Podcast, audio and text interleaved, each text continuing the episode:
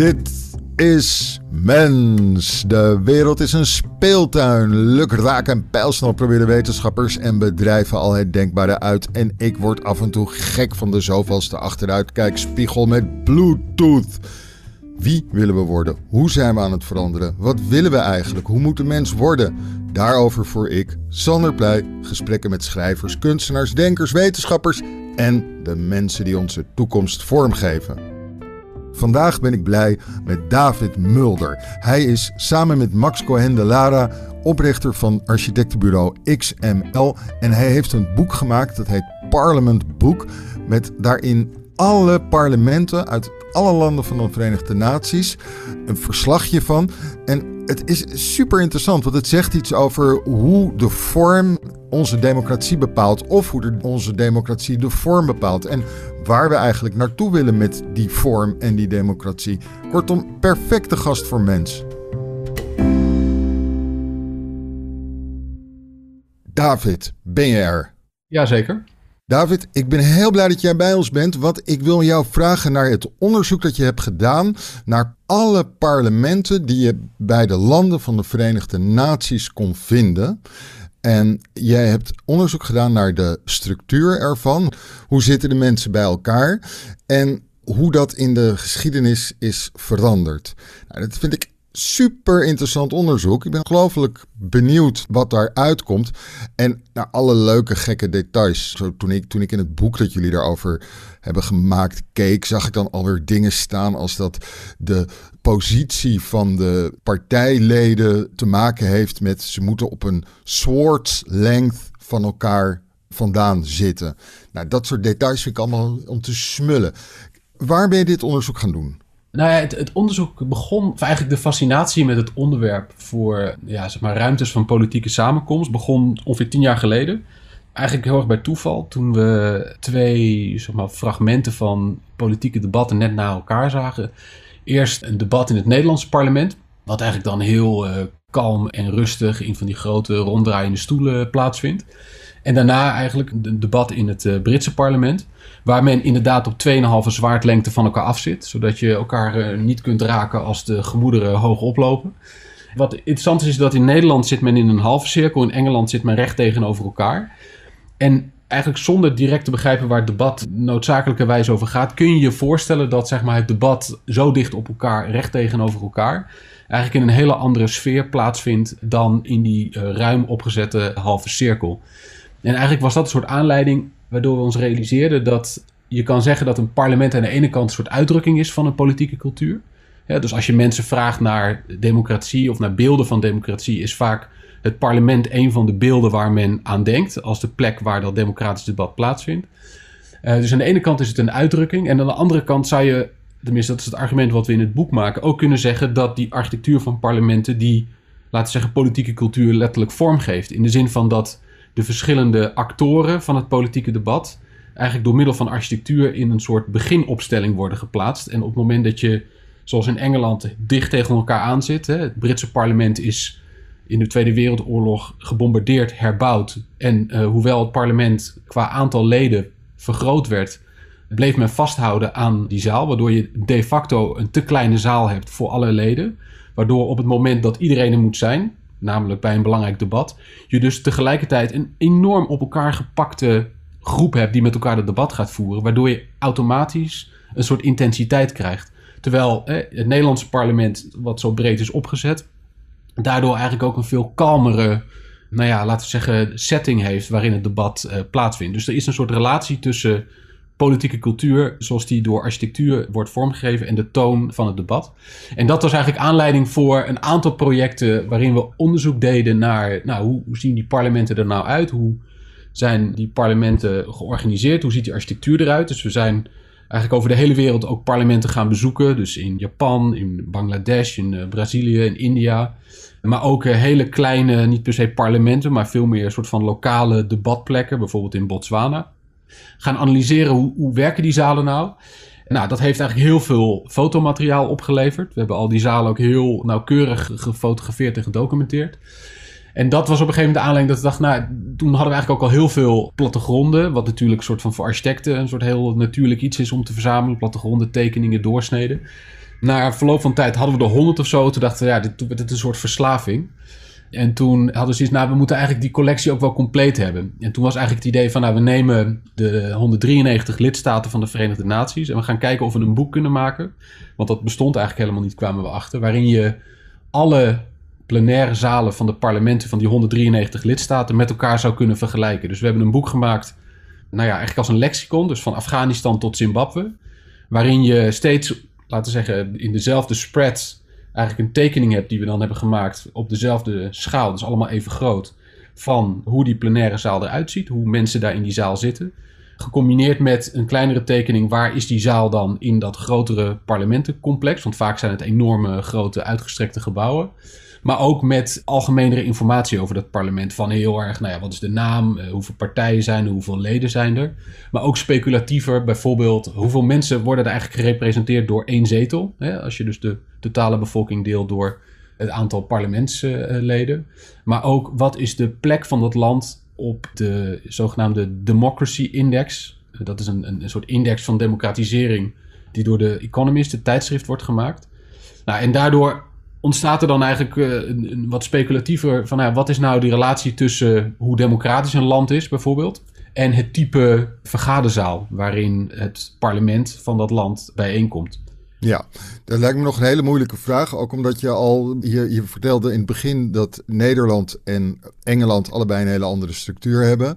En de vraag beantwoorden hoe, hoe anders die structuur is, lijkt me makkelijker dan de vraag te beantwoorden hoe democratisch is Engeland ten opzichte van Nederland. Ja, ja en bovendien ook die Economist heeft uh, natuurlijk ook zijn eigen agenda daarin. Het is natuurlijk ook een heel ja, specifiek tijdschrift, uh, heel erg een soort van eigen neoliberale agenda met uh, parameters. Maar goed, in de wereld is dan die Democracy Index enigszins een soort van graadmeter van een vorm van democratie. Wacht, wacht, sorry. Voordat we, daar we daar naartoe gaan, wil ik gewoon weten hoe zagen die parlementen eruit? Want wat, ik, ik zal alvast één dingetje verklappen. Als je dat door het boek heen gaat bladeren, dan zie je dat er uiteindelijk ja. bizar weinig vormen zijn. Dus kun je gewoon vertellen aan mij wat voor soort vormen jullie zijn tegengekomen en wat jullie allemaal is opgevallen? Dat was een voor ons vrij verbijsterende conclusie. Dat als je ze dus alle 193 met elkaar gaat vergelijken, dan al die, die nationale parlementen hebben het idee van nou, ons parlement is een soort van unieke uitdrukking van onze nationale identiteit. Maar als je ze dan met elkaar vergelijkt, dan zie je dat er eigenlijk maar vijf vormen zijn waarin parlementen bijeenkomen. Bizar toch? Dat is heel bizar. Ja, dat is heel bizar. En je kan ze even alle vijf benoemen als je dat... Heel graag. Dus één is, uh, nou daar hadden we het net kort over. Hè. Laten we zeggen het Britse House of Commons, dus de tegenovergestelde banken. Dan een tweede is de halve cirkel. En de halve cirkel is eigenlijk een, is de meest voorkomende. Veel, eigenlijk de meeste parlementen in Europa hebben zo'n halve cirkel. Uh, en die halve cirkel werd eigenlijk geïntroduceerd in de 19e eeuw. Als een soort, uh, nou, toen was de, laten we zeggen, de dominante architectuurstroom neoclassicisme. Waarin men heel erg teruggreep ook op de klassieke oudheid. Dus dat was ook een soort van verwijzing naar, laten we zeggen, de halve cirkel van het Griekse en het uh, Romeinse theater. Heel erg, laten we zeggen, ook refererend met name natuurlijk naar de halve cirkel van de Griekse democratie. Dan uh, een derde is, is het hoefijzer. Dus dat is eigenlijk een soort van combinatie tussen de vorige twee. Dus uh, van bovenaf gezien, het grootste deel van de zaal zit tegenover elkaar. En aan het einde van de zaal bewegen die twee rijen met banken naar elkaar toe. Waardoor je als je van boven kijkt een soort hoefijzer ziet. Ja. Dan uh, de vierde is, er zijn er maar negen in de wereld, is een cirkel.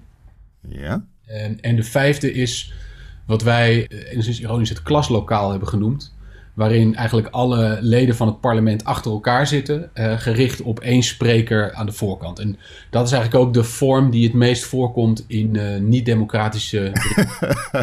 uh, dus bijvoorbeeld China, Cuba, maar ook de Russische Duma vergadert in zo'n klaslokaal setting. Ja, en dan ook zie je vaak nog dat de bankjes een beetje omhoog lopen of juist een beetje omlaag lijken te lopen, waardoor het helemaal het meer een soort publiek wordt dat toekijkt. Ja, ja. Ja, maar eventjes terug naar de, de verschillende vormen. De Engelse uh, die je noemt, die tegenover elkaar staat. Waar komt die vandaan?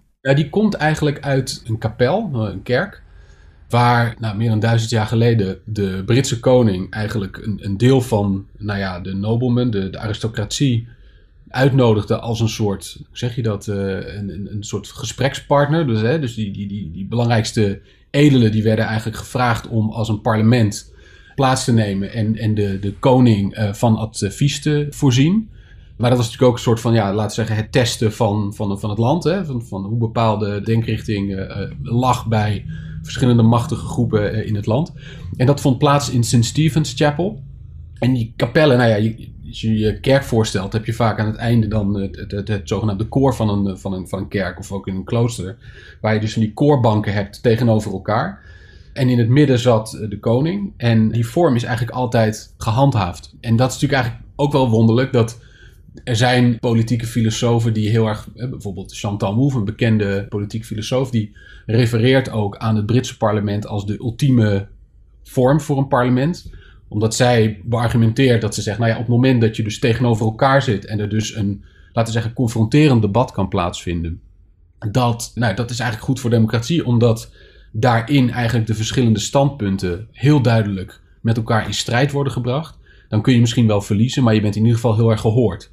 En die tegenovergeplaatste banken, die, die lokken eigenlijk die hele verhitte strijd uit als, als debat. Terwijl als je dan, laten we zeggen, naar die halve cirkel gaat, dan nou ja, leg ik alleen al in de architectuur van de zaal, worden eigenlijk alle vertegenwoordigers in één vorm, laten we zeggen, samengebracht. Dus op het eerste oog ziet het er eigenlijk ook uit als één lichaam, om het zo te zeggen.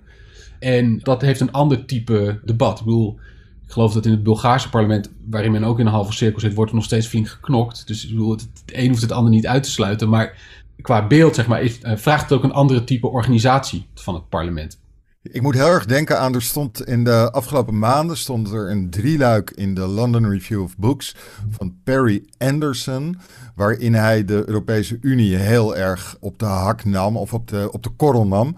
En daarin beschuldigde hij de Europese politiek georganiseerd te zijn zoals het Hollandse poldermodel waarbij eigenlijk de grote macht ligt achter gesloten deuren bij de Europese Raad, waarin de regeringsleiders bij elkaar komen. Zij bepalen daarin wat er gebeurt buiten het zicht. Vervolgens wordt er in de zaal, wordt in het Europarlement ook nog een beetje leuk vergaderd, maar daar gebeurt het belangrijke niet. Ja. Wat, wat me opvalt is dat je zei net dat het idee van dat, die halve cirkel, dat die in een neoclassicistische tijd kwam. Met een idee van wij doen het weer zoals de Grieken en Romeinen deden. Terwijl eigenlijk het, het spektakel van de democratie dat toen gezocht werd, niet in die halve cirkel tot uiting komt, maar juist wel in die Engelse setting die je net noemde. Ja, en er is nog iets problematisch aan die verwijzing naar de klassieke oudheid. En dat is een wat ingewikkelde argument, maar is dat, laten we zeggen, in de halve cirkel van het Griekse theater. Ja. Wat heel belangrijk is volgens mij, om dat goed te begrijpen, is dat eigenlijk die halve cirkels die waren gemaakt vaak op de helling van een heuvel. Ja. En je kon dus eigenlijk ook altijd het landschap en de stad zien. En wat denk ik heel bijzonder is daaraan, is dat je. Het was een vorm van directe democratie. Dus iedereen, behalve slaven en vrouwen. Uh, Ach. Ja, die, die, die, die, nam, nam deel aan dat debat. En zeg maar, het theater was eigenlijk één deel van, laten we zeggen, het spektakel. Waarin men als het ware morele dilemma's in theatervorm eigenlijk aan het publiek presenteerde. En het politieke debat wat daarna volgt en waarin ook gestemd werd, vond eigenlijk op dezelfde plek plaats. En wat die halve cirkel doet, is dat je aan de ene kant, laten we zeggen, de blik richt op datgene wat op het podium gebeurt. Met dan daarachter ook, laten we zeggen, het landschap of het stuk land waar men dan ook iets over te vertellen heeft. En aan de andere kant heb je de, de blik op elkaar. Dus je ziet dat je met elkaar als het ware in een vorm van collectiviteit bent door middel van die architectuur. En zeg maar, je hebt een soort van dat dilemma wat letterlijk voor je ligt, waar je het met elkaar dan over hebt. En wat in de Romeinse tijd natuurlijk gebeurde, is dat die halve cirkel als vorm voor theater wel bleef, maar dat men een soort achterwand begon te bouwen en dat men een dak daar overheen maakte. En dat dus die hele relatie met wat daar buiten gebeurde, eigenlijk in de architectuur althans, uh, verloren ging. En die 19e eeuwse parlementen die in symboliek refereren aan die Griekse of dat ideaal van die Griekse democratie, zijn in die zin eigenlijk veel meer Romeinse theaters dan Griekse theaters, om te beginnen. En ten tweede werden ze ook bevolkt door een representatieve elite. Hè? Dus, dus het stemrecht was eigenlijk heel beperkt. Dus in hoeverre zeg maar, je, die symboliek klopt bij datgene wat daadwerkelijk in die zalen gebeurde, ja. Uh, dat, is natuurlijk, dat is eigenlijk niet aan de orde. Ja, ja, ik begrijp je helemaal. Het blijft voor jou waarschijnlijk een onoplosbare vraag in hoeverre het om de vorm gaat en in hoeverre het om de aard van die bepaalde democratie gaat. Dus uh, ik bedoel te zeggen, had de Engelse koning ook zijn edele en zijn geestelijke kunnen uitnodigen aan een ronde tafel zoals koning Arthur? En was dan de hele geschiedenis anders geweest als die tafel rond was geweest? Dat weet ik niet, maar ik denk wel dat de Britse politieke cultuur, die heel erg gebaseerd is ook op de tegenstelling tussen uh, Labour en uh, de Tories, hè, de, ja. en, en, de Labour Party, die is, dat durf ik wel te, te warm, is wel voor een deel, denk ik, terug te leiden tot de vorm van het parlement. Echt waar? Denk ik wel. Ik denk wel dat, dat die vorm, zeg maar, heel erg die tegenstelling ook uitlokt. Dus toen, volgens mij 15 jaar geleden, de New Democrats uh, ook zetels kregen in het parlement, was ook heel erg de vraag waar moeten die mensen gaan zitten? Welke kant zitten ze dan? Dus dat, dat gaf ook gelijk een soort van instabiliteit in die politieke cultuur. Dus die zaal, zeg maar, die dwingt eigenlijk ook bijna af dat je letterlijk kant kiest. Het is gewoon een fatale combinatie van volk en vorm. ja. Dat is het. Hey, het moment dat Nederland bedacht die cirkel te gaan gebruiken. Weet je wat daar toen de, de beweegredenen voor waren? Nou, die, de exacte beweegredenen niet. Ik denk, Nederland, dat is natuurlijk fascinerend. Tot zeg maar 1992 of 93 was Nederland, had, had die oude zaal van de Tweede Kamer, waar men dan heel erg, hè, waar dat beroemde Van Milo citaat van de, de geur van wilde beesten hing. en dat had voor een deel ook te maken natuurlijk met, zeg maar, dat, die was eigenlijk ook te klein. Hè? Dat was ook de reden waarom men een, nieuwe zaal wilde. Maar eh, een van de andere argumenten was dat men zich bewust was van de rol van televisie binnen het politieke spel. En dat in die oude zaal het heel moeilijk was om iedereen goed in beeld te krijgen. Terwijl in die nieuwe zaal eigenlijk heel egaal licht is. De stoelen ook zo gepositioneerd zijn dat als het ware alles zeg maar, goed in beeld kan worden gebracht.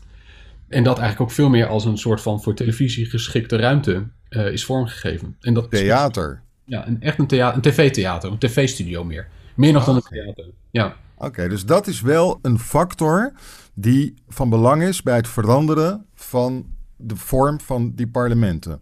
Op het moment dat er televisie komt, is er een, wel een verandering bij de vormen. Ja, in, in, in een aantal gevallen wel. Ja. Oké.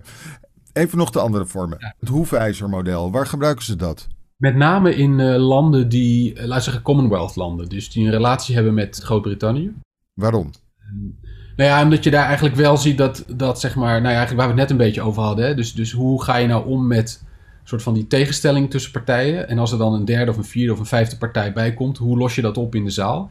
En dat hoefijzermodel combineert eigenlijk, laten we zeggen, die twee dingen. Dus je, je hebt een deel waarin men recht tegenover elkaar zit, maar je hebt ook een deel wat als het ware die twee zijden overbrugt. Ja, ja. Die banken naar elkaar toe uh, bewegen. En dat zie je dus met name in veel oude Commonwealth-staten. maar waarom daar? Nou ja, omdat men daar dus eigenlijk uh, aan de ene kant die referentie heeft aan, uh, nou ja, laten zeggen, de, de, de politieke cultuur van de, de oude overheerser. Maar soort van men op een gegeven moment ook een ingewikkelder politiek bestel krijgt. Gewoon met meerdere partijen. Oké. En soms ook volgens mij hele, ja, gewoon een soort architectonische voorkeuren.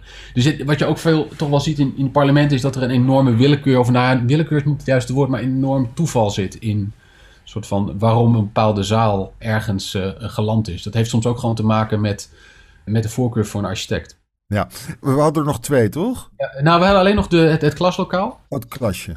Met zeg maar de achter elkaar uh, zittende uh, parlementsleden. En wanneer kom je, kom je die voor het eerst tegen? Nou, ja, uh, begin 20e eeuw zijn volgens mij, ik, moet ik uit mijn hoofd doen, maar volgens mij begin 20e eeuw zijn dat. en, en wat je nu vooral ziet, is dat die dus heel, heel veel voorkomt in, nou ja, want ik zei, in die niet-democratische regimes.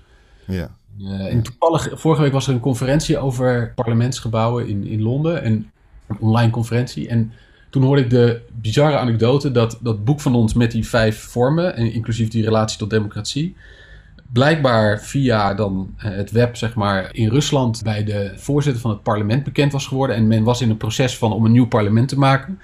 En dat dat boek ook werd gebruikt om eigenlijk om een parlement of een zaal te, vorm te geven waarin het er democratischer zou uitzien. Dus, uh, yes! Ja, waarin we dus, dat, dat klaslokaal, dat, dat kan echt niet meer. Dat ziet er niet democratisch genoeg uit. Dus die architect die kreeg van die voorzitter uh, letterlijk dat boek onder zijn neus geduwd naar het verhaal gaat. Hoorde ik van iemand die daar een paper over had geschreven. Met de opdracht uh, om een democratischere vorm uit te kiezen uit het boek dan, dan het klaslokaal. David Mulder, we hebben het hier misschien wel over jouw bijdrage aan de wereldgeschiedenis. het... geweldig, geweldig. Hey, wat waren de, de, de meest opvallende, rare, saillante vormen en gebruiken uh, die je tegenkwam? Nou, een van, de, een van de. Kijk, in de jaren 50, 60 zijn er een aantal hele mooie parlementsgebouwen gemaakt zeg maar, door modernistische architecten. Dus um, in Brazilië was er Oscar Niemeyer die een parlementsgebouw maakte. In uh, Bangladesh was het Louis Kahn, bekende Amerikaanse architect. En in India, in Chandigarh in het noorden, was het uh, Le Corbusier. En om die gebouwen in het echt te zien, dat was ongelooflijk. Omdat er een soort van zo'n enorme ambitie in die architectuur zat. Waarin zeg maar echt die gebouwen zo werden vormgegeven dat ze als het ware ook echt representant waren van een soort democratisch optimisme. Dat was voor mij eigenlijk heel bijzonder om te zien. Wat ik ook een hele mooie of een hele inspirerende vond, was juist een hele kleine. Ik noemde net dat we ook in Botswana waren. Daar heb je een zogenaamde Kotla. En dat is een, eigenlijk niet een, parlement, maar meer een soort van uh, community, een soort gemeenschapsplek. En wat daar vond ik heel bijzonder aan was, was dat het een, eigenlijk een, een overdekte met een half open constructie gebouwtje was, midden in, uh, in, in zo'n community. En wat men daar deed was dat aan de ene kant het gebruikt werd om, laten we zeggen, vraagstukken voor de buurt met elkaar te bespreken. Maar dat er ook kleine criminaliteit, zeg maar, een, diefstal, werd daar berecht. En de straf werd eigenlijk ook uitgedeeld. Dus het was eigenlijk een plek die heel erg veranderbaar was. En die ook steeds kon worden aangepast aan datgene wat er op dat moment nodig was. Maar daardoor eigenlijk in staat was om eigenlijk steeds het centrum van die gemeenschap te kunnen zijn. Ja, ja. Dat lijkt nog een geheel gedoe om de trios politica daar uh, goed duidelijk te maken. Plastic ja, ja. Nu een van de Van de Ham-vragen. Wat is nou democratischer? De halve cirkel zoals we die in Nederland hebben... of het tegenover elkaar zitten zoals het in Engeland is? Eigenlijk is het antwoord natuurlijk ook weer heel veel... kon je ook weer heel lang over discussiëren. Perry Anderson, de Engelsman, zal zeggen: de halve cirkel van Nederland en de Europese Unie is, die zegt hij eigenlijk, is minder democratisch.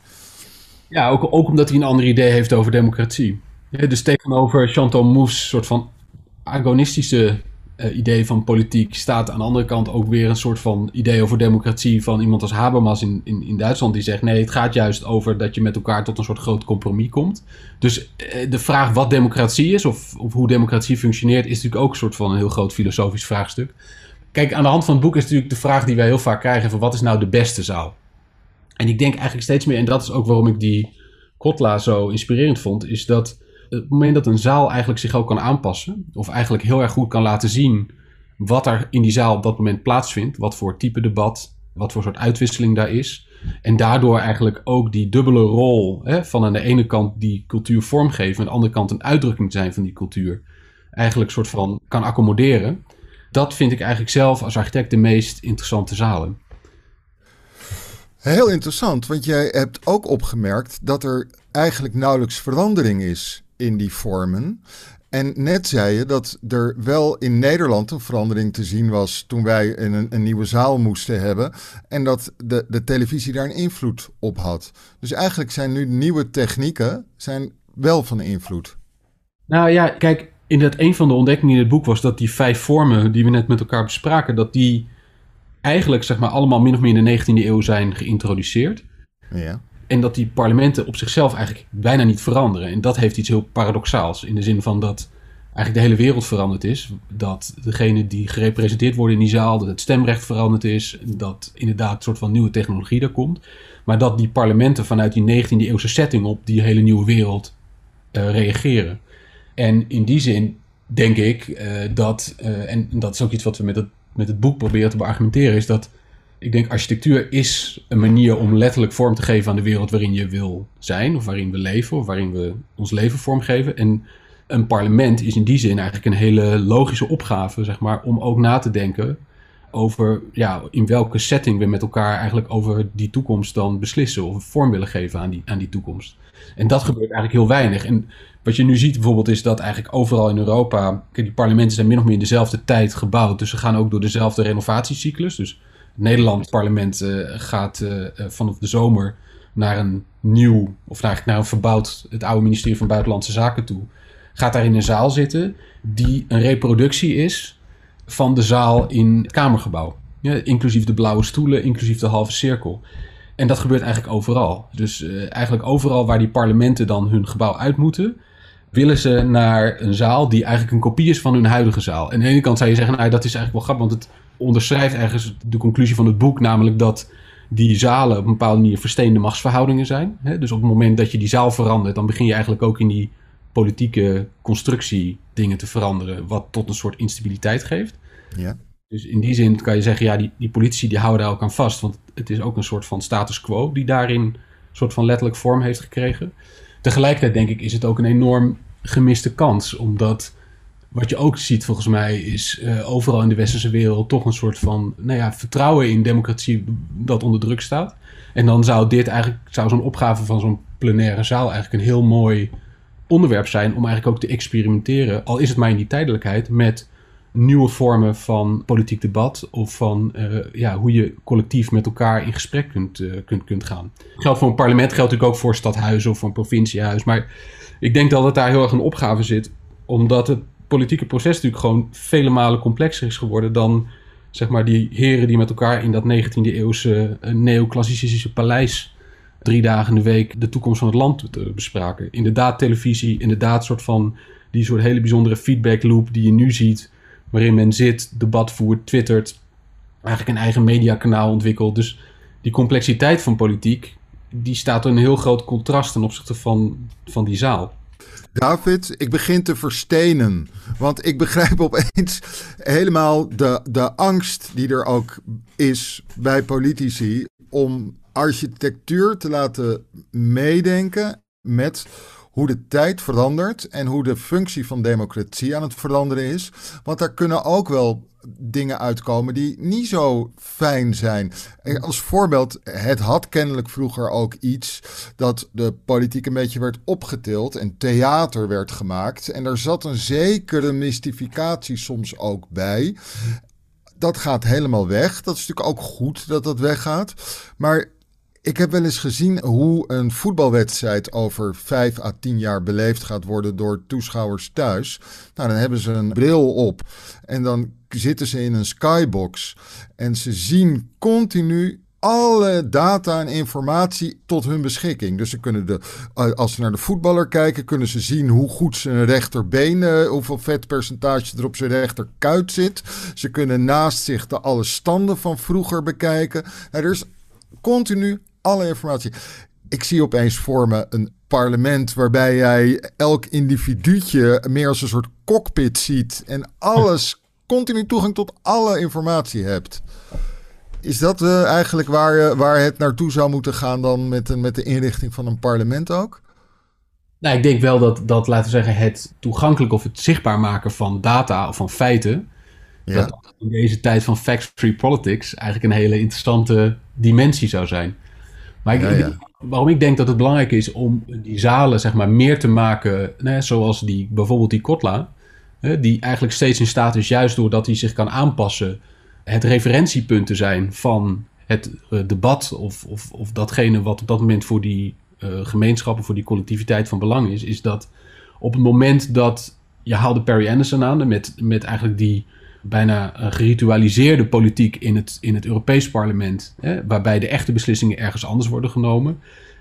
Die complexiteit van politiek, denk ik, zorgt ervoor dat inderdaad zeg maar, heel veel politieke beslissingen of heel veel politiek eigenlijk onzichtbaar is. Namelijk uh, vindt plaats dan wel in commissiezalen, dan wel in internationale uh, overleggen. Maar die onzichtbaarheid zorgt er ook voor dat je je er heel moeilijk toe kunt verhouden. En op het moment dat je je niet toe kunt verhouden, kun je het er eigenlijk bijna ook niet met elkaar over hebben. Dus wat die zaal dan ook wordt, is inderdaad aan de ene kant een plek voor een soort ja, geritualiseerde uh, besluitvorming.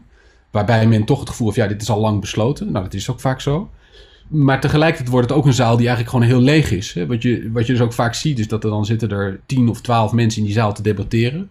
Waardoor je dus ook een beeld hebt van, ja, waar is de rest dan? Wat zijn ze aan het doen? Want die zaal is natuurlijk eigenlijk altijd ontworpen voor het moment dat iedereen er is. Waardoor ja. die het grootste deel van de tijd er heel leeg uitziet. Ja, uh, ja, ja. Vooral een beeld van democratie hebben, van afwezigheid. Ja, Daar zit volgens mij iets waar architectuur een verschil kan maken. Dat om eigenlijk die zaal en daarmee eigenlijk ook een fysieke plek te ontwerpen die eigenlijk een soort centrum kan zijn. Oké, okay, laten we daarmee naar de grote vraag gaan. de, de verbouwing van de Tweede Kamer mislukt totaal. Er, er wordt een verkeerd fundament geraakt en het hele gebouw stort in. Het moet opnieuw gemaakt worden en jij uh, mag de tekening maken. Hoe moet de Nederlandse Tweede Kamer, eventueel ook nog de Senaat, hoe moet die eruit zien? En ik begrijp dat als ik jou die vraag stel, dat we dan al meteen met het probleem zitten. Hoe moet die eruit zien als fysiek gebouw? Terwijl eigenlijk het allerbelangrijkste is, hoe moet hij eruit zien op beeld voor het, hele volk? Nou, hij moet er in ieder geval, uh, ik denk dat je zou moeten beginnen met hem de helft kleiner te maken van wat hij nu is. Als ik het heb over de zaal. Zodat je inderdaad zeg maar een zaal hebt die eigenlijk soort van gelijk een soort druk geeft ook op het debat. Ik denk dat het, het debat zou helpen. Om te beginnen. Omdat je daarin zeg maar ook die uitwisseling van de fysieke aanwezigheid, dat je met, met elkaar zeg maar in die ruimte bent dat dat zeg maar het debat enorm zou helpen. Dus ze moeten allemaal dichter bij elkaar zitten als ze er zijn. Ja, ja. En als ze er niet zijn, kunnen ze misschien een paar bankjes naar voren gaan zitten. Ja, dat is het tweede. Ik denk dat het een zaal zou, zou moeten zijn die aanpasbaar is, die, die dus ook kan veranderen. En ik denk dat het een zaal moet zijn die eigenlijk een veel nadrukkelijke relatie ook heeft met, uh, met wat daar buiten gebeurt. dus als je het hebt over die soort van symboliek van de Griekse directe democratie, waarin je onmiddellijk ziet van in welke omgeving ben je en, en dit is het land waar ik iets over heb. Een simpele vorm is wat men in Berlijn doet. Aan de ene kant kan je zeggen, ja, die koepel, hè, dat is een soort van hele zware symboliek, zo'n koepel over de democratie. Maar gewoon de simpelheid van dat je op dat dak kunt zijn, koffie drinkt, naar beneden kijkt, ziet wat daar gebeurt. Maar omgekeerd eigenlijk ook van beneden in die zaal naar buiten kijkt en mensen boven je ziet. Dus die interactie tussen binnen en buiten is denk ik ook ja, eigenlijk een heel mooi uh, en goed iets zeg maar, voor zo'n zaal. Dus dat die zaal eigenlijk een soort van relatie heeft met de buitenwereld. Nou, dat zijn volgens mij een aantal elementen waar je, waar iets mee kan doen.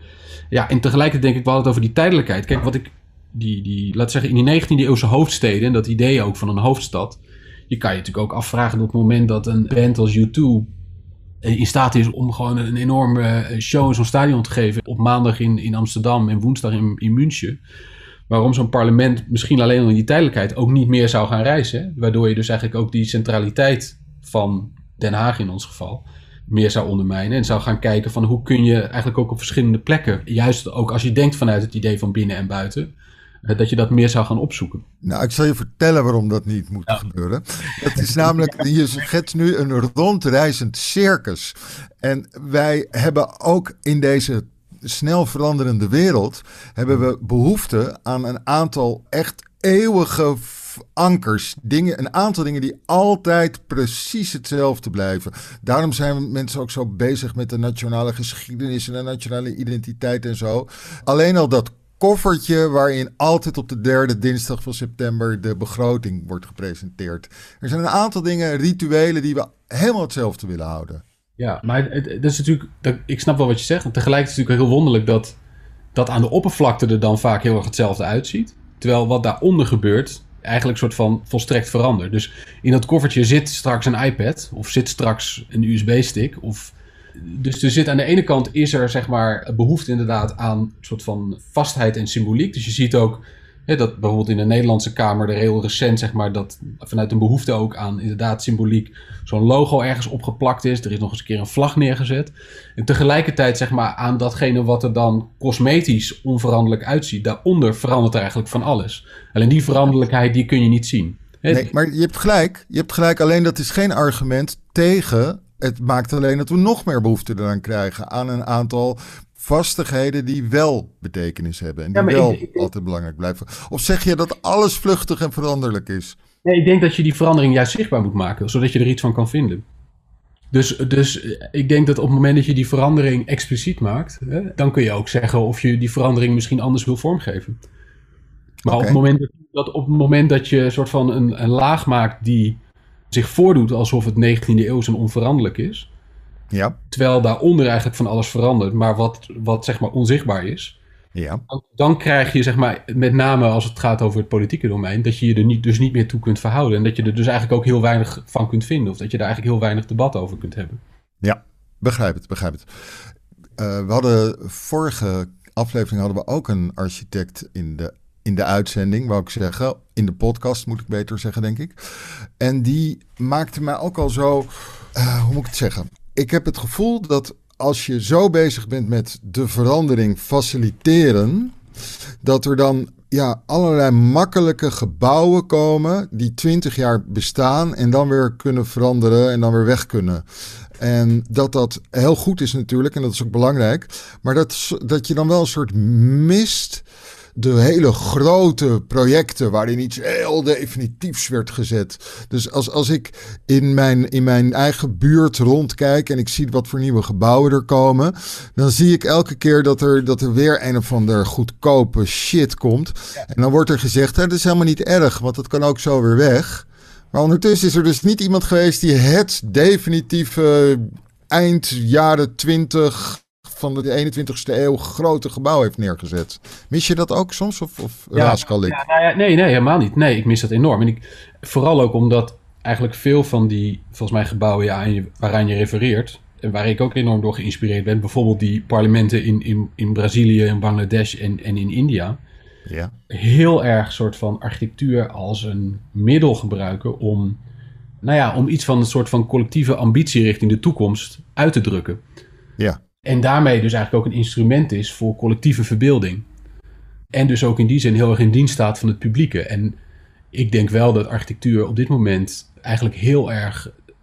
Nou, kijk, volgens mij belangrijk bij architectuur is dat je. Om te begrijpen bij architectuur is dat je eigenlijk altijd voor een opdrachtgever werkt. dat, is, dat is anders dan, dan veelal in kunst. Dus je werkt eigenlijk voor een opdrachtgever die een bepaald gebouw wil en daar bepaalde ambities mee heeft. En als architect ben je, is die relatie, zeg maar, daar zit een vorm van afhankelijkheid in. En ik denk dat het grootste deel van het opdrachtgeverschap voor architecten op dit moment met name privaat is. En dat daarin je natuurlijk ook je eigen fascinaties en interesses hebt. Maar dat het publiek opdrachtgeverschap, bijvoorbeeld voor een parlement, of voor een stadhuis, of voor een museum, of voor een grotere cultuurgebouw, of gebouwen die heel erg bepalend zijn voor de tijd waarin we leven en daar ook een uitdrukking van kunt zijn. Dat dat opdrachtgeverschap op dit moment uh, heel erg onderontwikkeld is. Dus een van de discussies die nu in aanloop naar de verkiezingen gaat, is over mogelijk een soort minister van, van ruimte. Hè? In, in welke vorm dan ook. Ik denk dat daar ook op een gegeven moment bij hoort, dus dat we uh, ook architectuur meer gaan gebruiken om publieke, echt publieke gebouwen te maken. En, en na te denken over uh, hoe die gebouwen inderdaad, zeg maar, antwoorden kunnen geven in verschillende vormen van tijdelijkheid. Tijdelijkheid van 20 jaar of een tijdelijkheid van 200 jaar maar wel een soort van uh, iets van die collectieve verbeelding uh, proberen uit te drukken. Je zou bijna zeggen dat het wachten is op een premier die visie geen olifant vindt die het zicht belemmert. Hm. David Mulder, ik heb echt genoten van, van, de, van het boek. Maken jullie nog zo'n boek? Uh, nee, niet over parlement, denk ik. Ik bedoel, de volgende stap. Nee, over iets anders. Nou, we zijn met een aantal dingen bezig, maar niet nog heel erg concreet. Oké, en het boek zelf kunnen mensen in ieder geval ervan wat, wat van zien op de website van jullie bureau? Ja, er is het, ook een, het boek heeft een eigen website, parliamentbook.com. Dus uh, parliamentboek op zijn Engels.com. Nou, je ziet iets van het boek, maar je ziet ook eigenlijk alle foto's die we gemaakt hebben in die ruimtes die we over de wereld bezocht hebben. Waardoor je eigenlijk ook virtueel in die ruimtes kunt rondkijken. Oh, wat leuk. Oh, wat leuk. Nou, daar kunnen mensen naar kijken. parliamentbook.com. David Mulder, ontzettend bedankt voor dit gesprek. Ja, dank. Was leuk om te doen.